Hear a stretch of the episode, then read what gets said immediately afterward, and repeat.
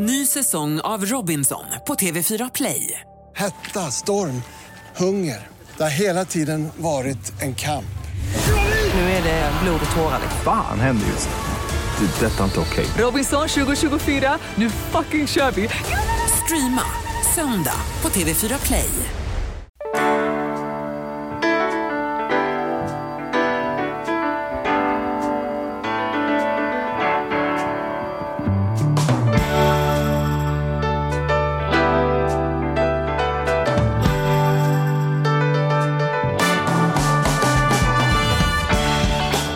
Hej och välkommen till Ekonomi på riktigt med Charlie och Mattias.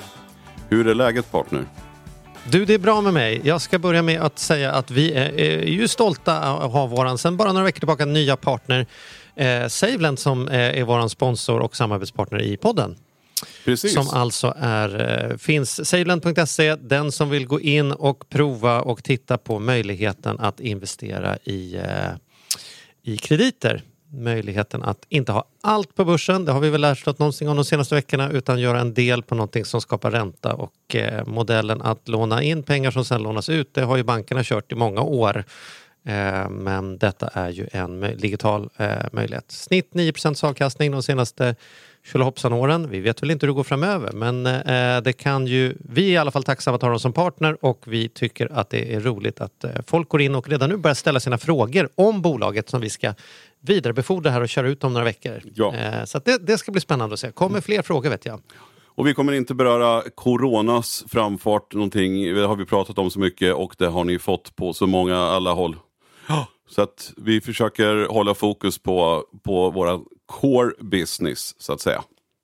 Annars kan jag berätta att Zlatan Ibrahimovic mamma ringde mig eh, igår eh, och försökte hålla tapper min men, men det hördes på rösten att hon var väldigt orolig. När jag frågade om hon mådde började hon gråta och berättade att hon var väldigt orolig för att hon inte riktigt visste vad Zlatan hade tagit vägen och undrade om jag kunde hjälpa till på något sätt. Och sen vaknade jag. Vilken jävla konstig dröm. Jag känner vare sig Zlatan, hans mamma eller att de skulle ringa till mig men man undrar ibland hur hjärnan går till. Hur, hur hamnade jag i att Zlatans mamma skulle ringa mig och undra vad han var? Liksom? Ja, det är högst oklart. Kan du vakna upp så och tänka så här, hur, hur tog hjärnan den här varvet? Hur blev detta nattens äventyr? Liksom? Nej men däremot så har det nästan varit, varit skönare att, att Mm. gå, alltså det är skönt att drömma när man drömmer bra saker känner jag. Eh, istället, Okej. för då kan jag Ja, vakna så här och sen bara, åh, vad, då hade jag ändå en härlig upplevelse. Så vaknar man upp i vardagen och har nästan hoppats Mm. att det skulle vara en dröm. Men eh, ja, vad fan. Det är en klassisk filosofisk fråga. Vad är värst? Att drömma någonting fantastiskt och vakna upp och inse att det inte är sant eller drömma mardröm och vakna upp och inse att det inte är sant. Liksom. Vilket Ja, är bäst? Men, men den, det är en filosofipodden. I en filosofipodd nära dig. Så. Eh, Vi har ju med oss en av våra absoluta favoritgäster. Det blir ju inga mardrömmar utan det blir en drömgäst helt enkelt får vi väl säga ändå va? Ja, så är det definitivt. Kungen av ekonomifrågor och kungen av bankfrågor och ja, fucking king of everything. Arturo Arquez, varmt välkommen!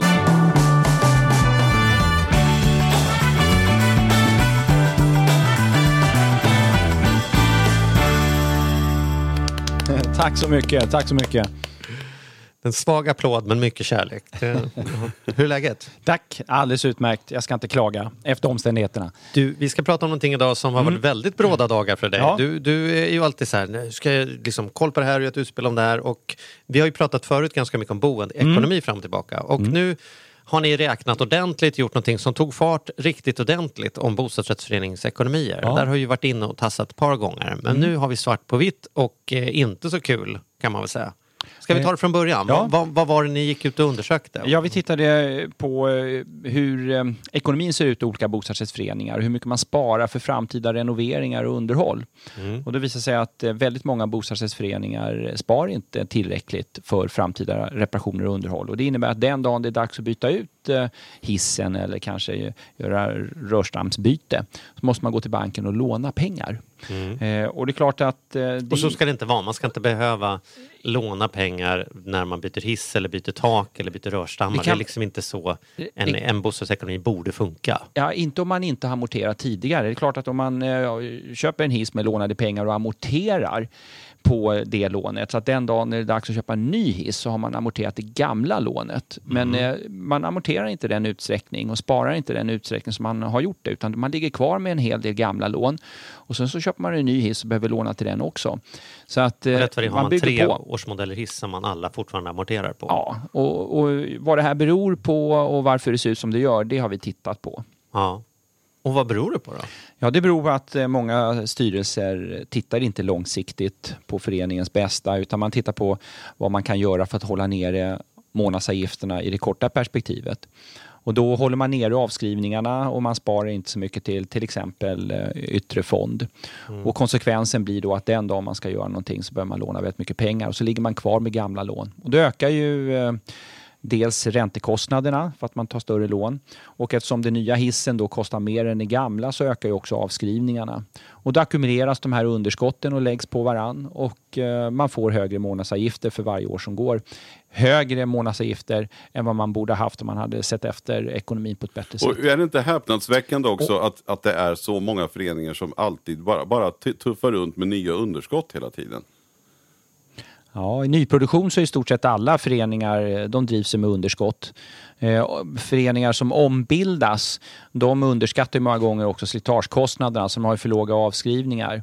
Så det finns många olika kombinationer och det sämsta av eh, alla världar det är naturligtvis föreningar som går med systematiska underskott och som dessutom har för låga avskrivningar.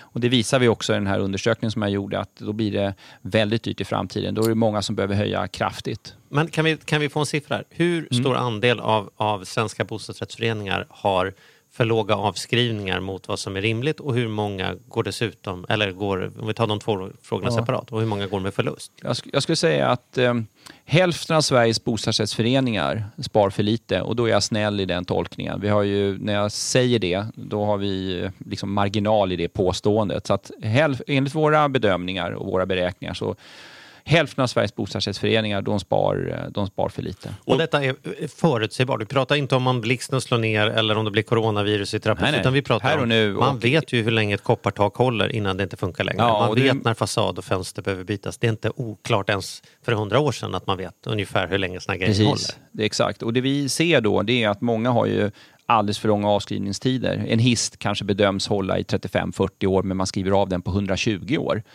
Och eh, en bergvärmepump håller kanske 20 år och inte 100 år, men många skriver av den på 100 år. Finns det inga regler? Är inte detta olagligt på något sätt att skriva av någonting Nej. på längre? Jag driver ju företag. Jag får inte skriva av saker på, på mer än fem år. I stort sett aldrig. Det spelar ingen roll om jag har värsta föreläsningen om hur vi kommer ha detta i många år. Så jag säger, glöm det. Det här är reglerna. Är det bostadsrättsföreningar kan bara Jag var med i en statlig utredning som presenterade då ett batteri av förslag 2017. Och och eh, syftet med den utredningen det var ju att eh, presentera då ett antal åtgärder för att stärka konsumentskyddet.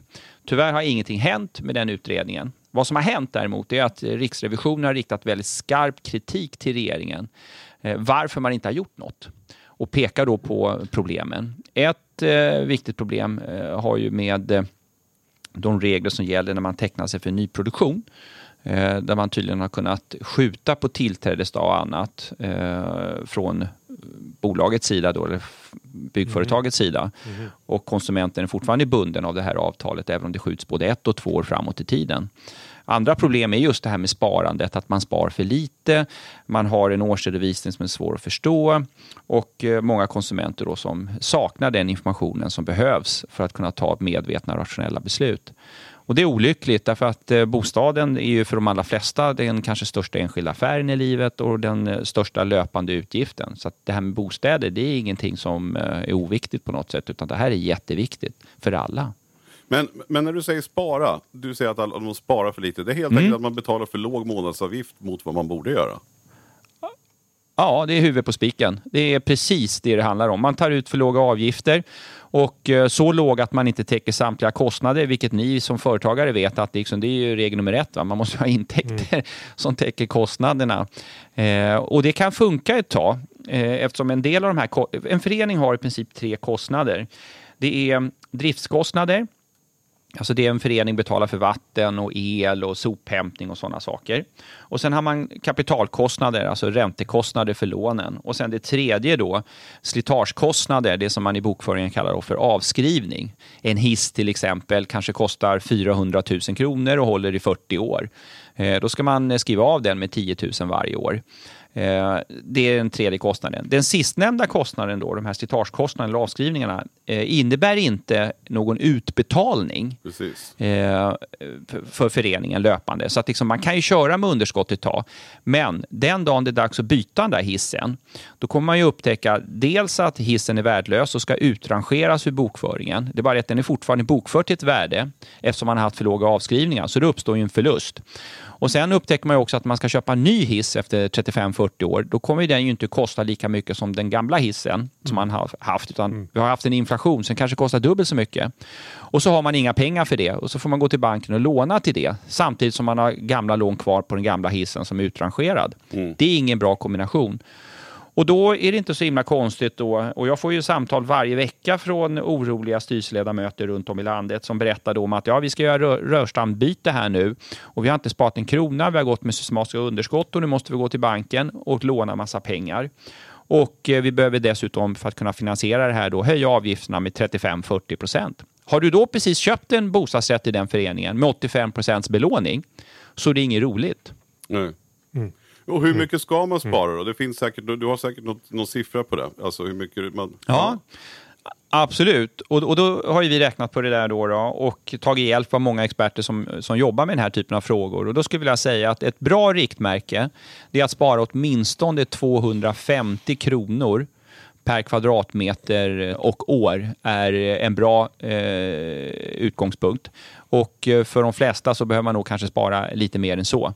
Men åtminstone 250 kronor. Men menar du 250 kronor då som sätts av på ett konto som heter bra ha eller menar du att avskrivningarna är totalt på 250 kronor och föreningen går plus minus noll? Eller liksom så här, var, var mäter jag detta om jag nu är det ju de flesta inne i, i, eh, i den här att det snart är dags att ha föreningsmöte här med, med föreningens eh, liksom årsmöte med bostadsrättsföreningen. Mm. Ja. Var, var kan jag se för det är inte så många som bara stirrar ner på en årsredovisning och fattar detta direkt. Nej, utan man utan, är i förhoppning eh, att de där två revisorerna som är två tjommar i föreningen som har sagt så här, "Äh, men vi har väl inte hittat några oegentligheter, nej men då är det väl klart. Då ser allting bra ut. Ja. Ja. det brukar heta så. Det man kan göra som, eh, som medlem i en förening när man får den här årsredovisningen, det är att titta på den sidan som heter resultaträkning.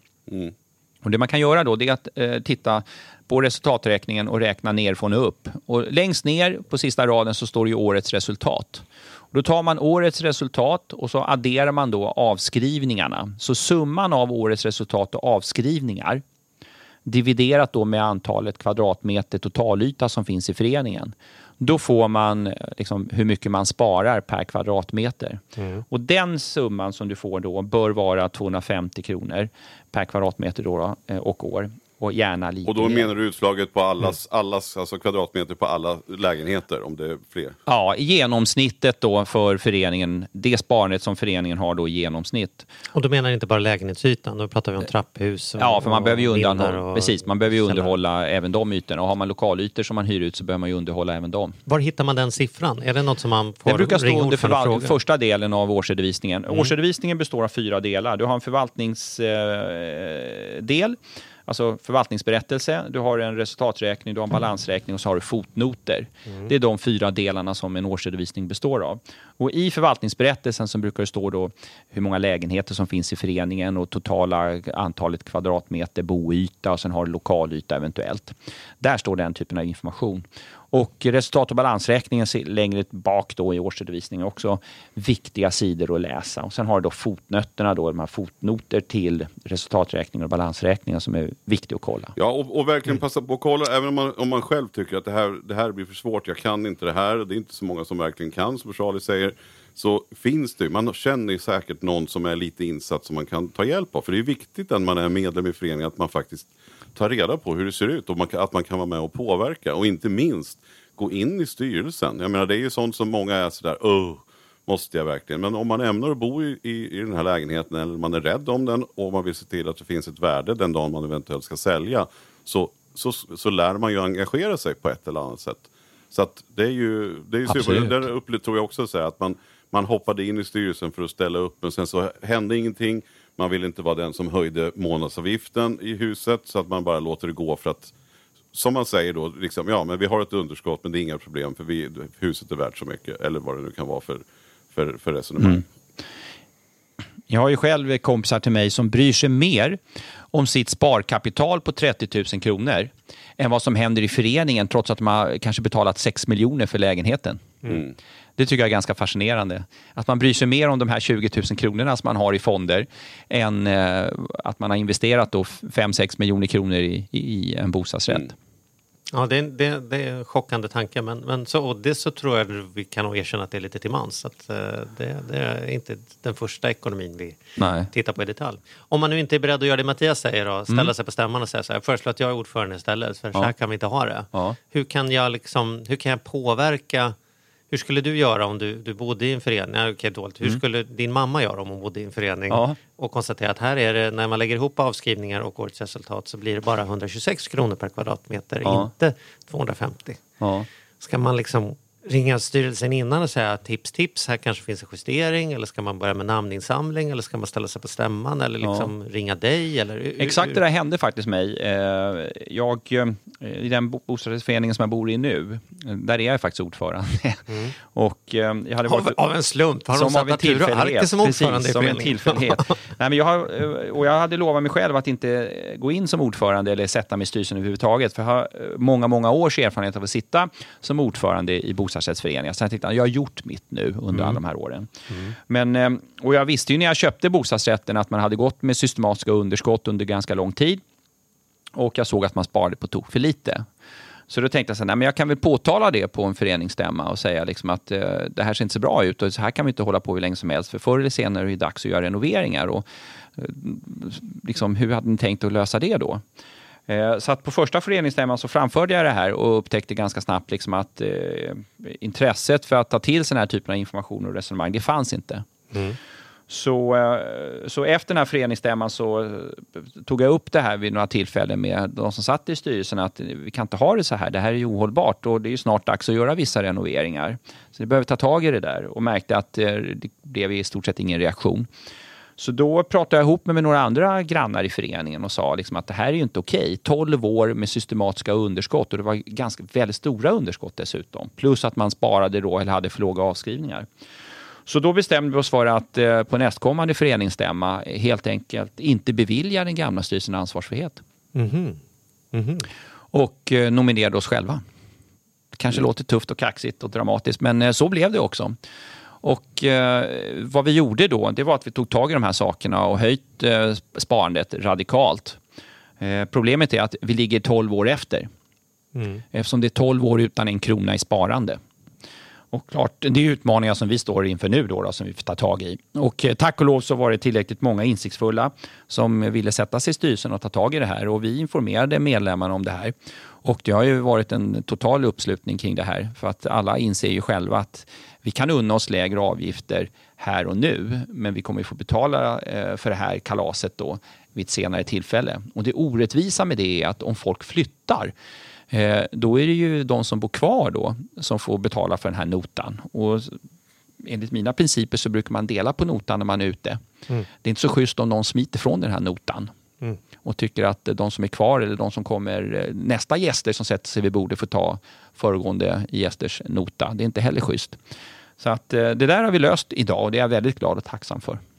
Men eran, erat, erat eh, liksom, eh, rapport här visade då att det, i alla fall hälften av föreningarna har för låg avskrivning Ja. och hälften av föreningarna går med förlust. Ja. Typ så. Vad har det mottagits för reaktioner? Har det varit samma reaktioner som det var när du gick på, på bolagsstämman eller på föreningsstämman? Att ingen bryr sig eller har det... Idag är frågan eh, på tapeten och idag så pratar alla föreningar om den här typen av utmaningar. Och det positiva med det här då, det är att det har hänt eh, Eh, och börjar hända väldigt mycket i många föreningar idag.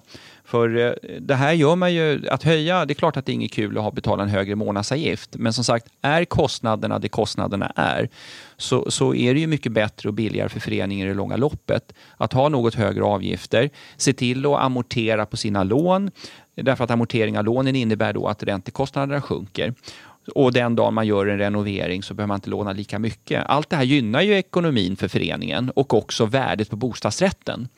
Så att mycket har hänt och det positiva också det är att många eh, företag som sysslar med bostadsutveckling och, och, som bygger bostadsrätter börjar nu anamma längre avskrivningsplaner. Alltså man tar fram en teknisk underhållsplan som är på 30, 40 och 50 år och inte bara 10-20 år.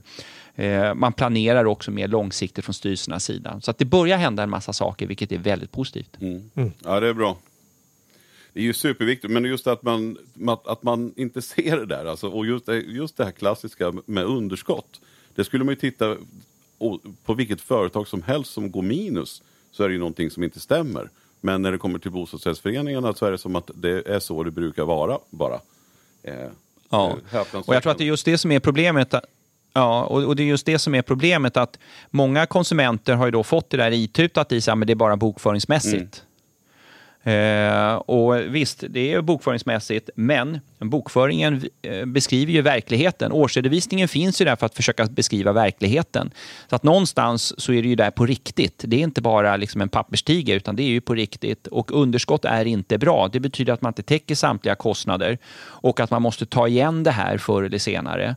Och eh, ju förr desto bättre skulle jag säga. Därför att ju längre man väntar med att ta igen de här underskotten, desto större och kraftigare höjning krävs. Eh, och det påverkar naturligtvis även marknadspriset. Mm. Hur, hur, hur, funkar detta då om man tittar? Många föreningar har ju en situation där man tror att man har lämnat över ekonomin till någon, någon ekonom. Att man, vi har, nej men vem sköter ekonomin? Nej, vi har en ekonomisk förvaltning. Det finns ett bolag här borta eller en förening här borta som skickar ut inbetalningar och gör bokföringen och sen så mm. mer eller mindre får får eh, liksom styrelsen en, en färdig lunta som man skickar vidare till revisorerna som inte heller vet vad de ska läsa. Liksom. Så här, hur, hur tas ansvaret ansvaret där. Man kan ju inte lämna över, ekonomin går ju inte att lämna över. Nej, man lämnar över riktigt. redovisningen möjligtvis, ja. men den distinktionen är inte så levande. Liksom. Det är jättebra Charlie. Alltså, det många glömmer bort, sitter du i styrelsen så har du ett ansvar och det yttersta ansvaret vilar då på styrelsen och då ordföranden i föreningen. Och eh, det här att man lejer ut den ekonomiska förvaltningen, det gör de flesta föreningar, framförallt de större föreningarna gör ju det.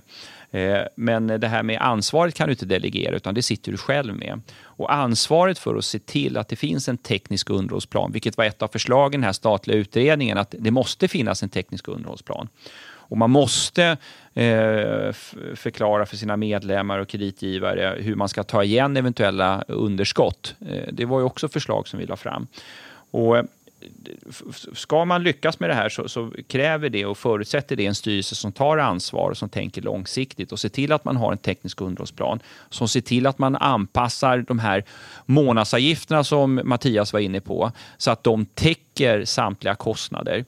Och det är klart att eh, även om det innebär att man måste höja avgifterna med 5-10 procent så är det bättre att göra det nu än att behöva höja avgifterna med 35-40 procent bara för att man gör ett stambyte. Mm. Mm. Det är intressant det där att, att om, man, om, man, om man bor i en hyresrätt då utgår man ju från varje år att det blir någon typ av höjning. Mm. Vad blir höjningen? Blir den en, två eller tre procent? Ja. Liksom?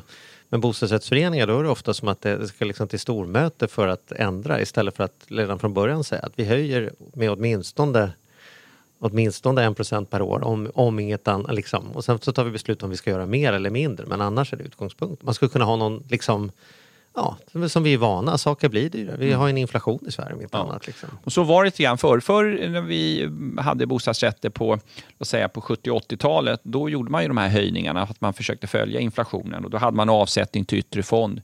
Idag är det många som tar bort den här avsättningen till yttre fond och många försöker bara ta ut en avgift som täcker liksom, de löpande utgifterna och inte så mycket de här avskrivningarna. Just därför att man hänvisar till att ja, men det är bara avskrivningar, det innebär inga egentliga utbetalningar. Men det man glömmer bort då, det är att de här avskrivningarna ska ju eh, visa på slitagekostnaden på den här hissen. Att hissen slits ju faktiskt varje dag. Och då är det väl rimligt att de som bor där och sliter på hissen betalar för slitaget och inte låter nästa generation få ta den kostnaden som flyttar in. Så att eh, ska man ha en sund och hållbar ekonomi så är det otroligt viktigt att man har en styrelse som känner ansvar och som är långsiktig. Mm. Mm. Du sa att ni inte beviljade styrelsen ansvarsfrihet. Ja. Hur funkar det? Kan jag bara säga så här, nej, jag röstar emot det och vad händer då? Liksom? Hur ser processen ut? Måste vi alla vara överens eller måste det vara en majoritet? Eller, och vad händer då? Får ordföranden pinta in de 12 procenten själv? Som inte Ja, det beror blivit på vad 12 man väljer sen att göra när man inte beviljar folk ansvarsfrihet. Och, Mm. och syftet med att eh, inte bevilja en styrelse ansvarsfrihet, oavsett om det gäller en ekonomisk förening, en bostadsrättsförening eller ett börsbolag, det är för att lättare sen kunna eh, rikta anspråk och, sk- och skadeståndskrav på de som har suttit eh, i styrelsen tidigare. Eh, om man har gjort eh, allvarliga fel som har inneburit då att medlemmarna har lidit ekonomisk skada. Eh, Så I det här fallet var det mer av symbolvärde att visa liksom att här har man gått med stora systematiska underskott. Man hade faktiskt tagit fram en teknisk underhållsplan men den hade man inte brytt sig om.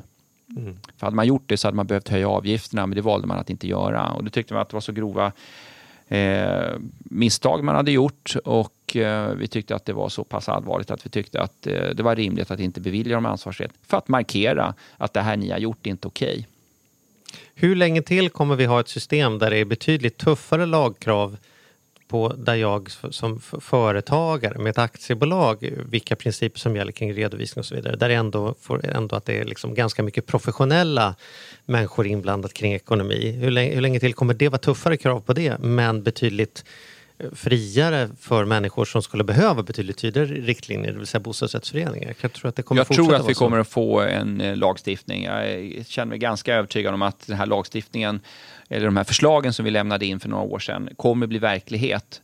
Eh, sen hur lång tid det kommer att ta, det vet jag inte. Men med tanke på att Riksrevisionen nu har riktat så stark kritik så tror jag att eh, man kommer att påskynda det här arbetet. Sen kanske man inte implementerar alla förslag, men eh, jag tror att man kommer implementera många av de här förslagen. Vad, är, vad skulle du säga är anledningen till att det inte redan är implementerat? Vad, är liksom, vad finns motståndet? Är det att man är rädd för att det ska leda till att det blir någon bostadsbubbla-smäll här? Att alla lägenheter tappar en miljon i värde när de verkliga avgifterna börjar synas? Eller vad, vad är man egentligen rädd för? Ja, det finns ju många saker. Ett är ju naturligtvis att eh, konsekvensen blir att många, inte alla, men många föreningar behöver höja sina årsavgifter. Eh, och det är klart, det eh, är ju en del som tycker det är besvärande då.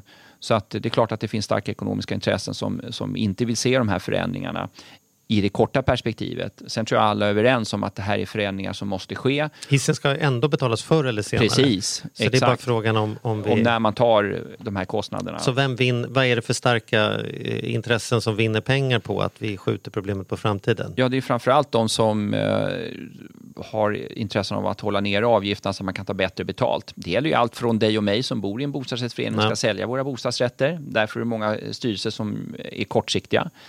Eh, men det är också naturligtvis eh, företag som jobbar med att bygga Och sälja bostadsrätter lägenheter, och sälja lägenheter. Sen ska man komma ihåg också att, att det största problemet, det är inte ska säga nyproduktion, utan det största problemet är kanske äldre fastigheter eh, som kanske är föremål för ombildning. Många av de här fastigheterna då som ombildas, de har ju en del renoveringsbehov. Och det finns en risk att eh, man underskattar kostnaderna då då för, den här, eh, för de här renoveringarna. Eh, och man är inte fullt medveten som medlem som kanske har varit då, alltid varit en hyresgäst och vet inte riktigt vad det är och innebär att vara eh, bostadsrättsinnehavare och sitta i en styrelse. Att man då underskattar den där typen av kostnader och att eh, man sätter för låga avgifter. I en nyproduktion så har man ju fördelen av att allting är nytt. Och eh, det finns ju ingenting som hindrar en, en styrelse när man tillträder i den här nya, helt nya bostadsrättsföreningen att man höjer avgifterna. Det är ju värre för en som bor i en gammal förening som kanske har funnits i 30-40 år och som upptäcker att det är dags med ett stambyte om 10 år och man har inte sparat en krona till den. De har det ju tuffare. Mm. Det har kostat 2000 i månaden att bo där, nu ska det kosta 6000 i månaden. Till exempel. Ja, så att, eh, det är ju det värre. Så att det finns ju eh, fördelar också med nyproduktion där allt är nytt och, och fint och det dröjer länge innan det är dags i, att göra den här större renoveringarna. Det är klart att har man då betalat en massa pengar eh, just därför att avgiften är lågt satt då kan det ju naturligtvis bli lite jobbigt om man då inser att vi behöver höja de här avgifterna för att inte behöva höja avgifterna allt för mycket den dagen det är dags att byta hängrännor och stuprör och allt vad det är. Mm. Men sista frågan då, om du skulle välja, var, var tror du generellt sett att det är att man ska läsa eh, föreningens ekonomi extra noga? Är det om man kliver in i en nyproducerad lägenhet som, som ska tillträda om ett år? Är det i en möjlighet för mig att ombilda min hyresrätt till en bostadsrätt eller är det i en förening som har funnits sedan 1800 styvt? Jag ska säga i alla tre fallen är det jätteviktigt eh, att läsa årsredovisningen och sätta sig in i vad är skuldsättningen, Eh, hur stort är sparandet? Och täcker man samtliga kostnader? Det är otroligt viktigt i alla de här tre fallen. Behöver man hjälp för att göra det här, för det är, det är ju inte det lättaste att läsa en årsredovisning och räkna ut de här nyckeltalen, så skulle jag säga att det finns eh, på nätet, det är bara att googla, checklista vid köp av bostadsrätt till exempel. Eh, och också eh, vägledning. Det finns något som heter ekonomideklaration också där man kan gå in och se då om man ska ekonomideklarera en bostadsrättsförening och då kan man se så här betyg och eh, färger också. Grönt och mm. A är jättebra då och rött och F är inte så bra. Mm. Så att det finns olika verktyg som man kan titta och hitta på nätet som hjälper dig att eh, få koll på om föreningen har en bra eller dålig ekonomi. Och man ska ju också komma ihåg att även en förening som går med underskott, det är ju en prisfråga till syvende och sist. Att eh, en förening som har en hög skuldsättning ska naturligtvis inte kosta lika mycket som en som har en låg, under förutsättning att eh, fastigheten är i ett bra skick. Oftast är det så att en ny bostadsrättsförening, eh, alltså byggnad som är helt ny, de har ju oftast väldigt hög skuldsättning med noll i renoveringsbehov. En gammal förening har ju förhoppningsvis då en låg skuldsättning, men å andra sidan då mycket högre, mycket större renoveringsbehov. Och där ska ju, om det där är korrekt hanterat, då ta ut varandra. Mm. Men idag kan vi ju se tydligt att så inte är fallet. Mm. Sen har vi en annan effekt också som att ett, en ekparkett som lades in på 1920-talet och en ekpaket som lagt in på 2020-talet har lite olika livslängd. Den ena behöver bytas, ja. men det är, det är en annan fråga. Att material, äldre material har en tendens att hålla bättre än vad det är ja. idag. Också. Men det ska ju också avspeglas i avskrivningsplanen. Absolut, absolut. Ja, jättebra. Ja, men spännande. Vart vi, nog, vi vart klokare och lite räddare va? Ja, li, ja lite så. Eller, ja, klokare skulle jag säga. Och det är ju, aldrig, ja, okay. det är ju inte för sent. Alltså, oavsett hur det ser ut så är det man kan göra är ju påverka framåt. Det som har hänt har ju hänt i föreningen. Någonstans så får man ju bara, mm. det viktiga är att man inte blundar för det. Vare sig, man, vare sig framförallt som man sitter i styrelsen men, men även bara att du, att du äger en lägenhet, en bostadsrätt. Så, så är man ju skyldig att sätta sig in i det här och, och inte blunda. Utan ta reda mm. på hur det ser ut, det går alltid att lösa. Det minsta man kan förvänta sig göra är ju att man spar ner länken till den här podden och så skickar man den till ordförandeföreningen och säger jag lyssnade på den här på vägen hem, var ganska intressant mm. faktiskt. Mm. Och så bara, det är det minsta man kan göra. kan man börja där, som en liten smygis in. Lite. Exakt. Ja, men jag tycker väldigt kloka ord. Jag ska lägga till en, en liten sak bara. Som jag, tycker, alltså, jag tror att nyckeln till en sund eh, och bo i en sund bostadsrättsförening, det är engagemang. Eh, om man har engagerade medlemmar, man behöver nödvändigtvis inte sitta i styrelsen själv, men om man är engagerad och går på en föreningsstämma och, har, och ser till att man har en aktiv valberedning som ser till att man har en ansvarsfull och duktig styrelse, då har man kommit väldigt, väldigt långt. Så bor du i en bostadsrättsförening, engagera dig på ett eller annat sätt. Mm. Det brukar vara en bra eh, liksom, grund för en sund och eh, seriös bostadsrättsförening. Mm. Ja, och är man... Det är faktiskt är intressant, man... kan jag hylla den föreningen Rauka bor i som, som har, där man, om man flyttar in som ny i föreningen får man alltid ett besök från valberedningen som är någon typ av kompetensinventering så fort det flyttar in en ny familj. Bara för att presentera föreningen lite och få en känsla för vad det är för typ av kompetens som finns i huset. Liksom. Mm. Så här, det ingår i ja. inflyttningsprocessen. Liksom. Superbra. Ja. Jättebra. Mm. Men hörni, då får jag tacka så mycket för idag. Tack så mycket, varsågod. Vi ses. Det var så lite så, det är bara att bjuda igen. Ja, det ska jag göra. Tack jag hoppas att vi hörs eh, framöver igen Arturo och dig Charlie hoppas jag att vi ses om en vecka igen. Det kan du utgå ifrån. Ja, ja det är bra. Då gör jag det. Och krya på det. Ja. Tack. Vi hörs. Hej. Hej. Hej.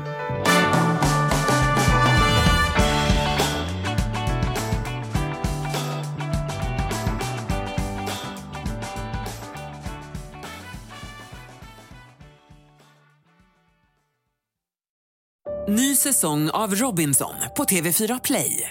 Hetta, storm, hunger. Det har hela tiden varit en kamp. Nu är det blod och tårar. Fan händer just det. det detta är inte okej. Okay. Robinson 2024, nu fucking kör vi. Streama söndag på TV4 Play.